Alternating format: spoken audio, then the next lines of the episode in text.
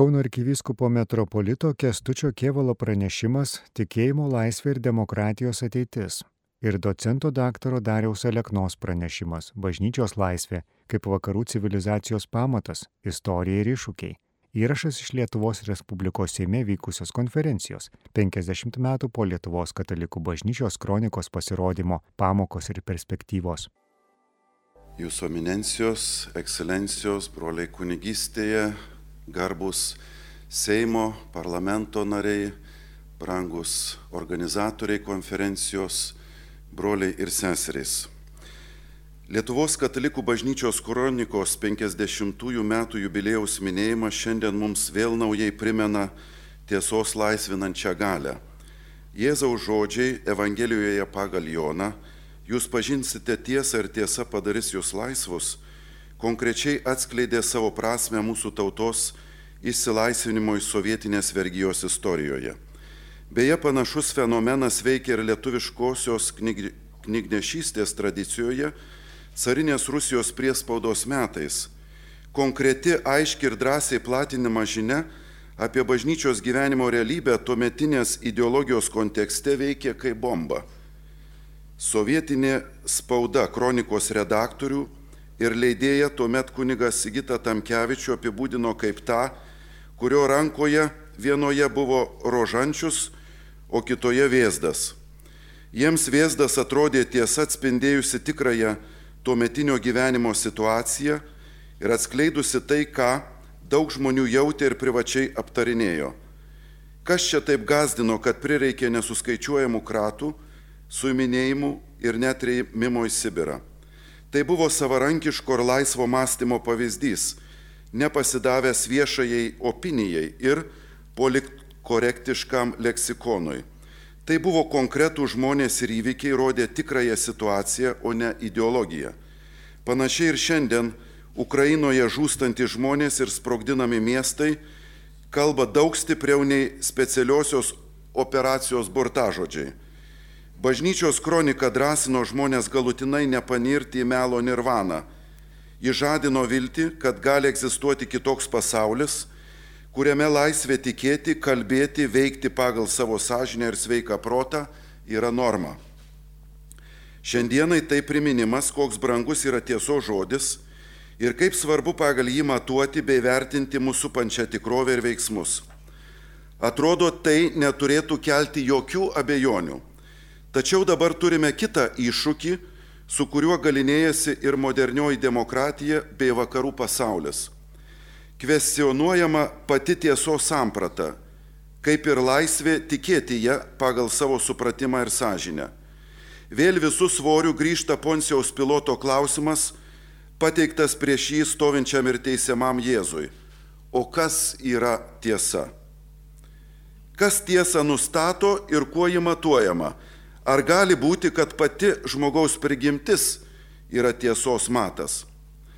Žmonija nukeliavo ilgą kelią mąstydama apie tiesą kaip mūsų pančios tikrovės atspindį. Antikoje Sokratas pakvietė pažinti save, Ciceronas iškėlė idėją, kad turi egzistuoti universalusis protas, o Platonas pirmasis istorijoje pareiškė, įstatymas yra nestipresnė jo galios išraiška, bet pasaulio tvarkos atspindys. Aristotelis prakalbo apie prigimtį, visur išvelgdamas tikslingumą ir sakė, kad kiekvienas žmogus ir gyvūnas yra kreipiamas prigimties. Aristotelio ir stoikų dėka atsiranda prigimtinio įstatymo samprata. Jis Romos imperijoje pradedama suvokti kaip universalus ir nekintantis moralės dėsnis, kurį galime atskleisti per teisingą mąstymą. Tačiau ne filosofai sukūrė prigimtinį įstatymą. Prigimtinis įstatymas nėra tarsi tarpinis rezultatas vakarų civilizacijos raidoje. Antikos mąstytojai prigimtinių įstatymų tik įvardino visoms tautoms būdingą suvokimą, kad egzistuoja tam tikri teisingumo ir žmonių tarpusavio santykių tvarkos reikalavimai nepriklausantis nuo įstatymų leidėjo valios. Tai, kad prigimtinis įstatymas egzistuoja, rodo ir žmonijos sutarimas, nepriklausantis nuo religijos ar civilizacijos. dėl pamatinių moralės ir teisingumo principų, įskaitant ir sutarimą, kad iš vyro ir moters sąjungos kylantis santykis turi skirtinę reikšmę tiek patiems žmonėms, tiek ir visai visuomeniai. Todėl vyro ir moters santoka kaip šeimos kūrimo pagrindas vienokia ar kitokia forma egzistavo ir tebe egzistuoja bei yra pripažįstama visose kultūrose. To pavyzdžiui negalima būtų pasakyti apie tos pačios lyties asmenų sąjungas.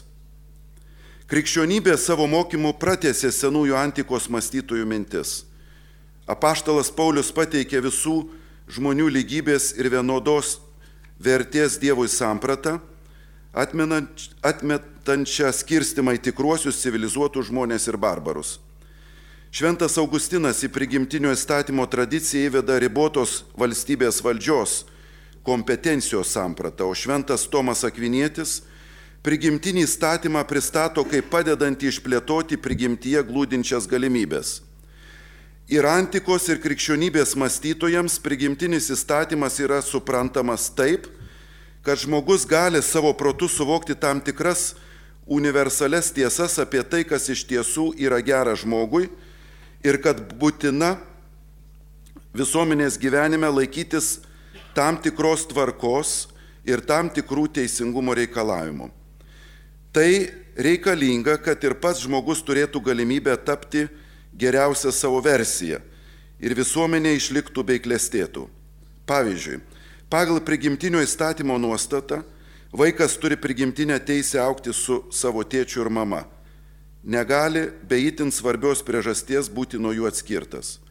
Nes žmogaus protas suvokė, jog būtent tokios sąlygos, kai vaikas auga savo tėčio ir mamos stabilioje sąjungoje, geriausiai atitinka jo prigimtinius poreikius bei užtikrina visos visuomenės tvarumą. Tai pačiam žmogui sukuria moralinę pareigą laikytis tokios tvarkos, o valstybei atitinkamai pareiga tokią tvarką pripažinti ir gerbti priemant įstatymus. Prigimtinis įstatymas yra ir apie tai, kad žmogus negali siekti savo laimės bet kaip kitų žmonių asmenų ir likusios visuomenės gerovės ir ateities sąskaita. Todėl prigimtinis įstatymas nelaiko vienodai vertingais arba teisingais visų žmogaus pasirinkimų ir nereikalauja iš visuomenės skirtingus dalykus traktuoti vienodai. Tačiau šiandien prigimties, o tuo labiau prigimtinio įstatymo sampratos nebėra tokios savaime suprantamos.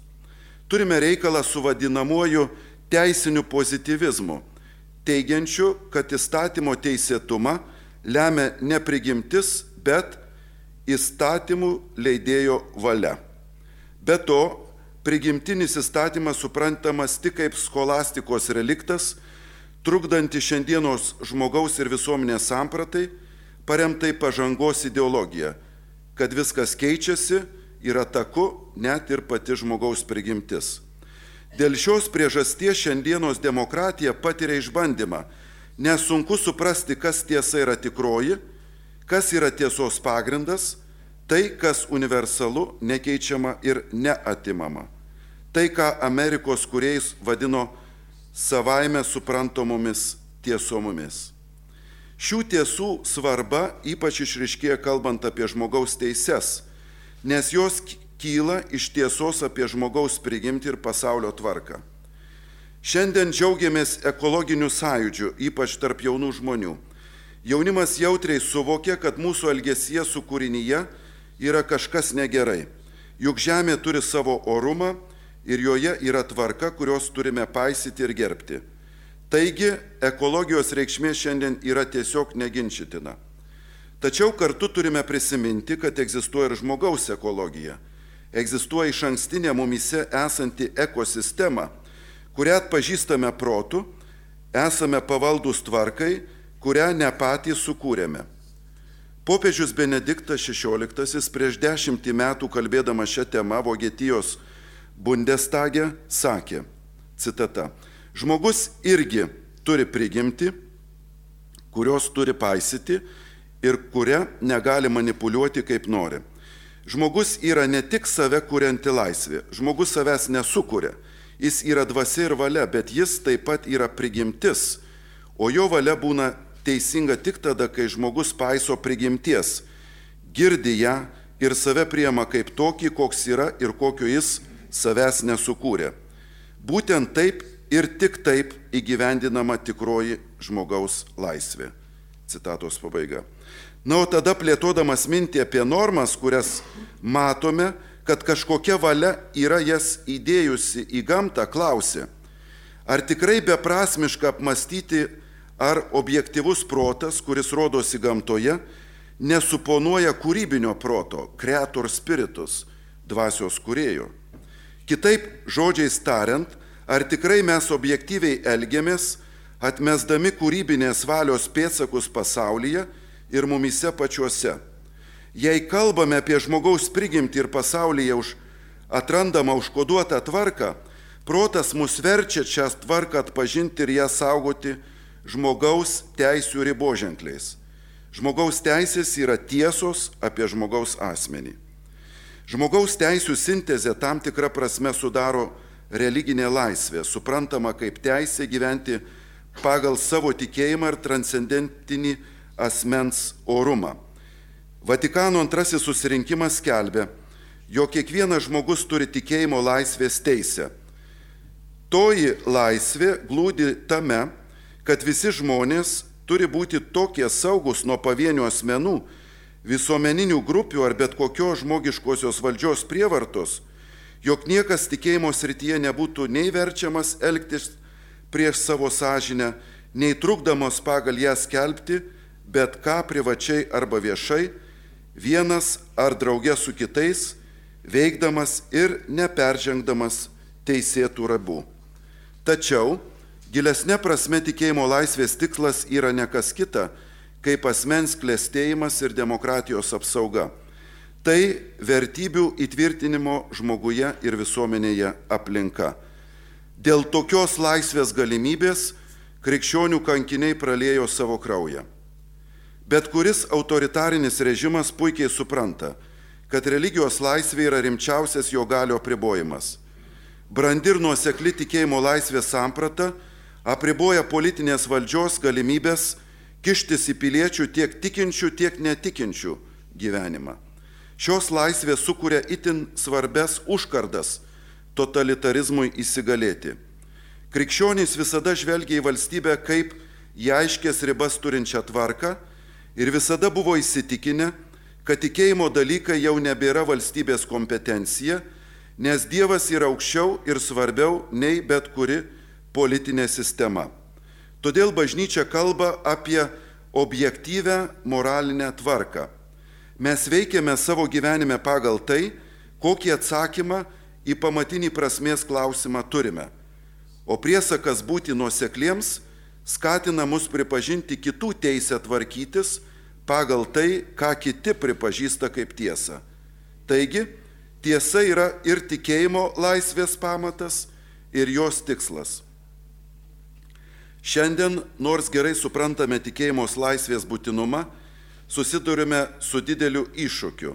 Tai yra troškimu sukurti visuomenę, kurioje būtų nepriimtina viešoji diskusija moralės klausimais apie šių pasirinkimų tikslingumą ir racionalumą. Stebimos pastangos sumenkinti viešuosius svarstymus apie tai, kokių tikslų dera siekti žmonėms, tarsi tai prieštarautų tolerancijai. Jei tolerancijos tikslas yra tik bet ką toleruoti, tai turėtume toleruoti ir net netoleranciją.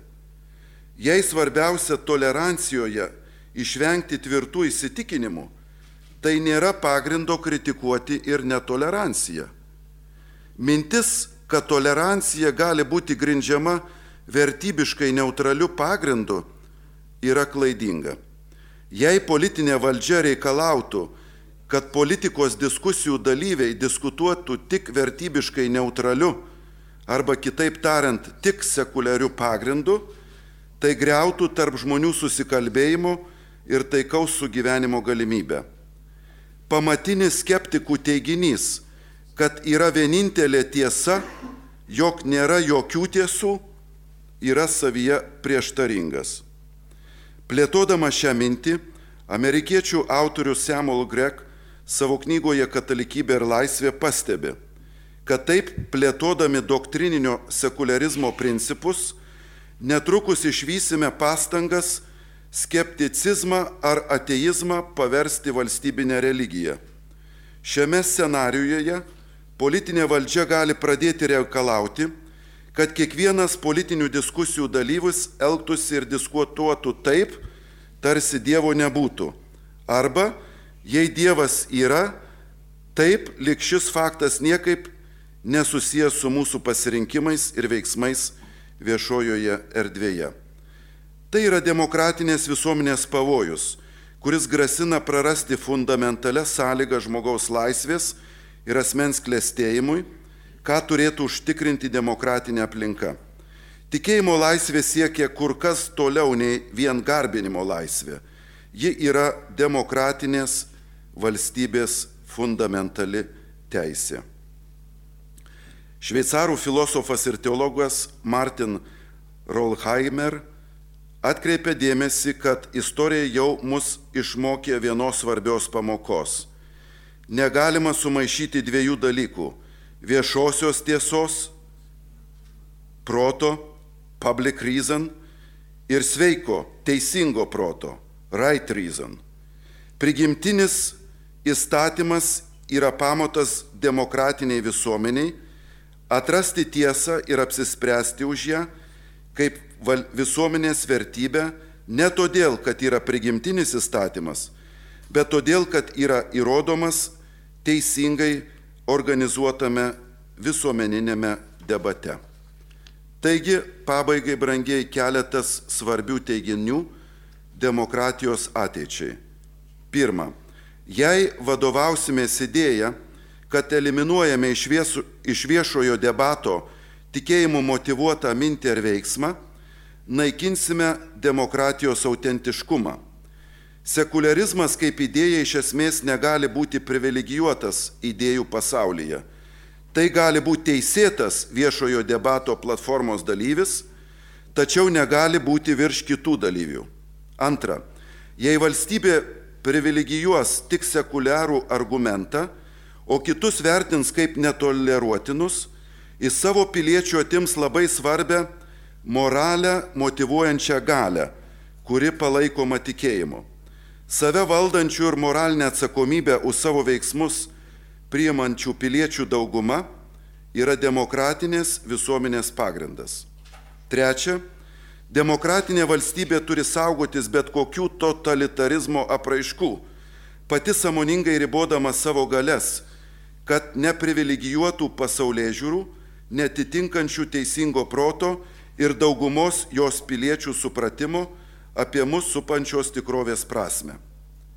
Galime drąsiai sakyti, kad iš esmės pagrindinė demokratijos sąlyga ir jos ateities užtikrinimas yra autentiškos tikėjimo laisvės užtikrinimas ir pagarba geriausioms žmonijos proto ir patirties išvadoms. Tikėjimo laisvė yra pamatinė laisvė todėl, kad būtent ji ryškiausiai gina tiesos ir teisingumo egzistavimą visuomenėje ir jos viešuose bei politiniuose teisėkuros debatuose. Ačiū.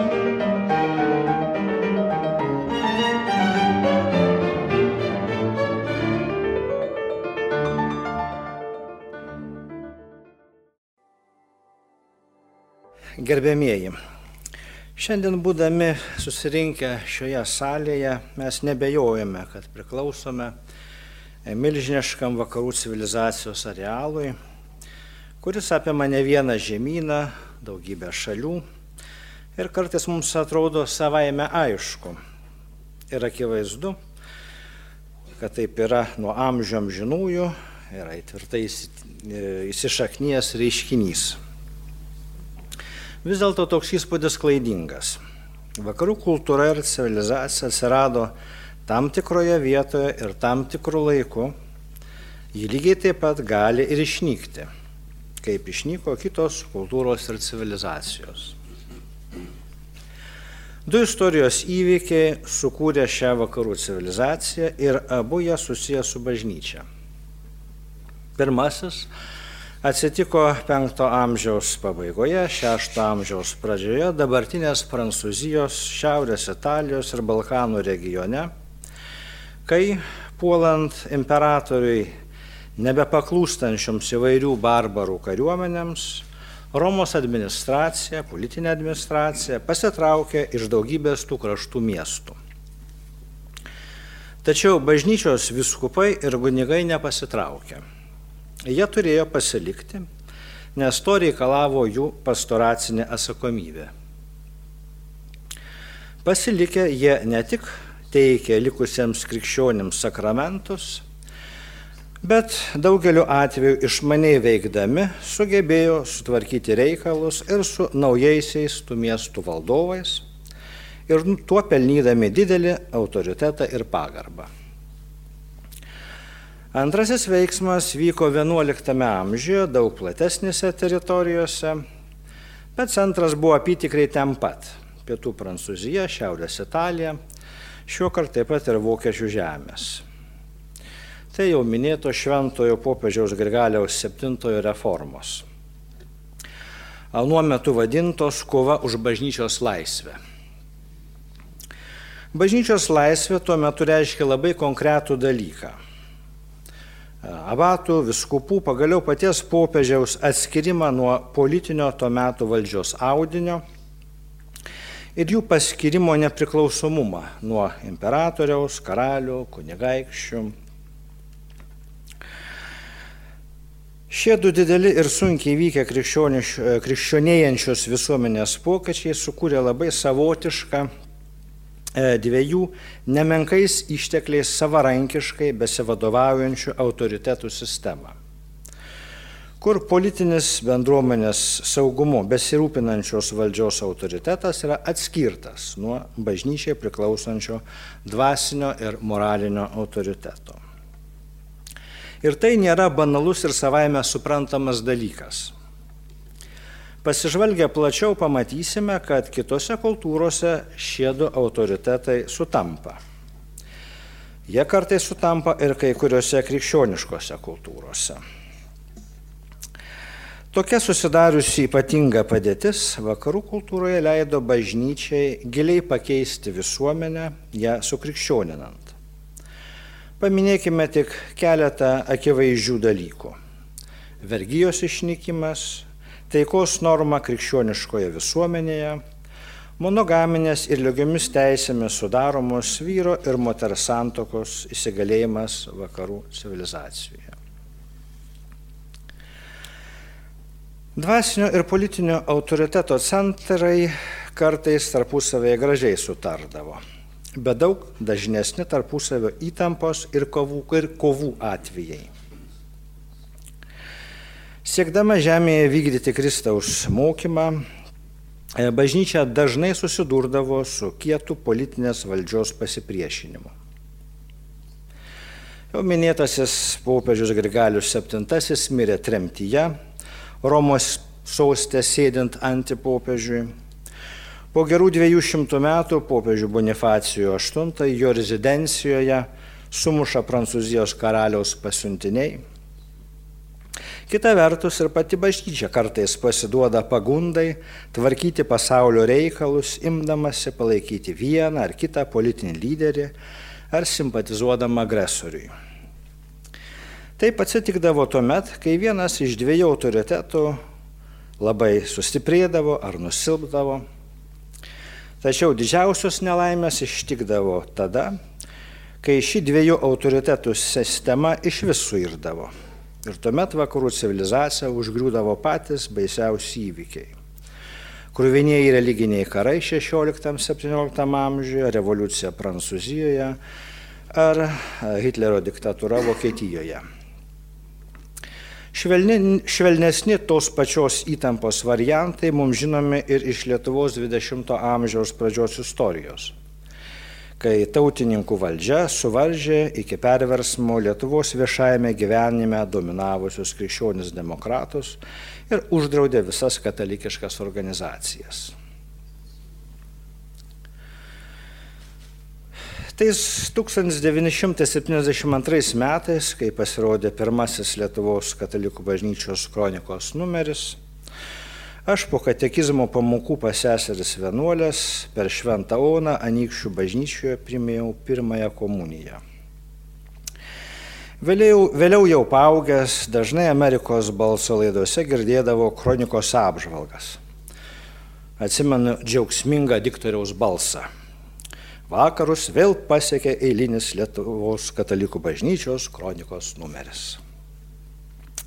Drasa žavėjo, labai norėjau pamatyti tos žmonės.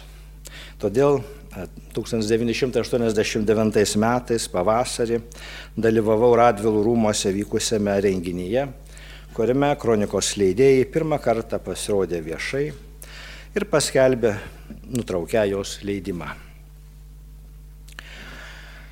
Šiandien labai naudinga pasivartyti patogiai internete sukeltus kronikos numerius.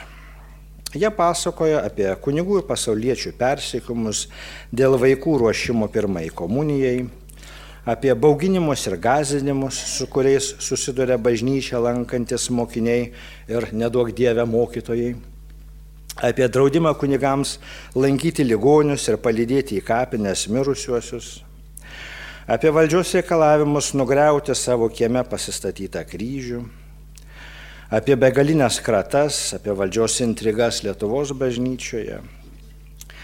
Visą tai kronikos autoriai pasakoja puikiu kudirkos satyrų stiliumi. Skaitydamas jų pasakomus veikiau pasijuokė iš komiško okupantams tarnavusių padlaižių įsiučio ir bergžių jų pastangų žavėsi savo savasties neišsižadančių ir tuo jiems iššūkį metančių šimtais ir tūkstančiais po protesto ir reikalavimų peticijomis pasiraš, pasiranis, pasirašinėjančių paprastų Lietuvos žmonių drąsa ir išmonė. Žinoma, realybė buvo daug žiauresnė. Vadinamoji charakteristika Anuomet kiekviename žingsnė privalomas dokumentas galėjo jaunam žmogui užkirsti kelią pasirinkti norimą profesiją, pradėti darbą norimoje srityje. Ir tai be ne švelniausia poveikio priemonė. Žmonės nepasitikėjo okupacinę valdžią ir jos kolaborantais. Nors ir daug svėrė kokio nors kolūkio ar partijos komiteto pirmininko žodis, bet klebono žodis būdavo svaresnis. Panašiai kaip Valančiaus laikais, bažnyčia su vyskupais Julionu Steponavičiumi ir Vincentu Slatkevičiumi tylinčioje Lietuvoje buvo tikrasis autoritetas, o Lietuvos katalikų bažnyčios kronika - Lietuvos bažnyčios balsas. Į kroniką ir plačiau į pačią okupacijos laikų bažnyčios veiklą, žvelgdami iš anksčiau aptartos perspektyvos, galime pasakyti, kad visa tai buvo dar vienas politinės, šio karto okupacinės ir bažnyčios dvasinės valdžios autoritetų konfliktas. Dar vienas jau daug amžių vykstančios dramos veiksmas. Ir niekas nėra davęs garantijų, kad neprasidės kitas. Dar daugiau. Neturėtume įsivaizduoti, kad toks konfliktas galimas tik su okupacinė valdžia. tam visuomet gali ryštis kokią nors arš, aršesnę ir dvasinę vadovavimą perinti siekianti mūsų pačių politinė vyresnybė. O jei taip, jau dabar galime klausti, kaip dvasinio ir politinio autoriteto kova atrodo šiandien. Matėme, kad anuopiant okupacinė valdžia siekia tarp kunigų infiltruoti savo šalininkų ir jų veikla ar neveikimu e, menkinti bažnyčios autoritetą. Ar šiandien apie klerikalizmą ir paradoksaliai apsitai apie Lietuvos bažnyčios negebėjimą veikti kalbantis balsai nesiekia to paties tikslo. Matėme, kaip okupacijos laikais kunigai, vienuolės ir katalikai pasauliečiai buvo ypač aršiai persekiojami už katekizmo mokymą. Ar ne katalikų bažnyčios katekizmo mokymą šiandien politinė valdžia Lietuvoje įstatymais nori įpareigoti vadinti nepykantos kalba? Ar prigimtiniais reikalavimais primiktinais reikalavimais prisitaikyti prie laiko dvasios, neprimena okupacijos laikų propagandos apie bažnyčios tamsumą ir atsilikimą. Minėti į vakarų civilizaciją iššūkdę valdžios poliai gali sutarti. Dažnais atvejais taip ir atsitikdavo. Vis dėlto istorijos scenoje daug dažniau pasirodydavo įtampa ir tarpusavio konfliktas. Istorija moko nebūti optimistų. Šioje žemėje dviejų Augustino miestų kova niekuomet nesibaigs. Nusileidę į žemesnį šio pasaulio istorijos lygmenį gali, galbūt turėtume įsidėmėti vienintelį dalyką. Mūsų vakarų civilizacija baigsis tuo met, kai vienas iš dviejų polių bus visiškai sunaikintas. Todėl valstybės siekis išstumti bažnyčią ir užvaldyti jos dvasinio autoriteto vietą arba visiškai ją pajungti savo reikmėms yra mirtinai pavojingas. Ačiū. Girdėjote Kauno arkivyskupo metropolito Kestučio Kievalo pranešimą Tikėjimo laisvė ir demokratijos ateitis bei docento daktaro Dariaus Aleknos pranešimą Bažnyčios laisvė kaip vakarų civilizacijos pamatas - istorija ir iššūkiai. Įrašas iš Lietuvos Respublikos Seime vykusios konferencijos 50 metų po Lietuvos katalikų bažnyčios kronikos pasirodymo pamokos ir perspektyvos.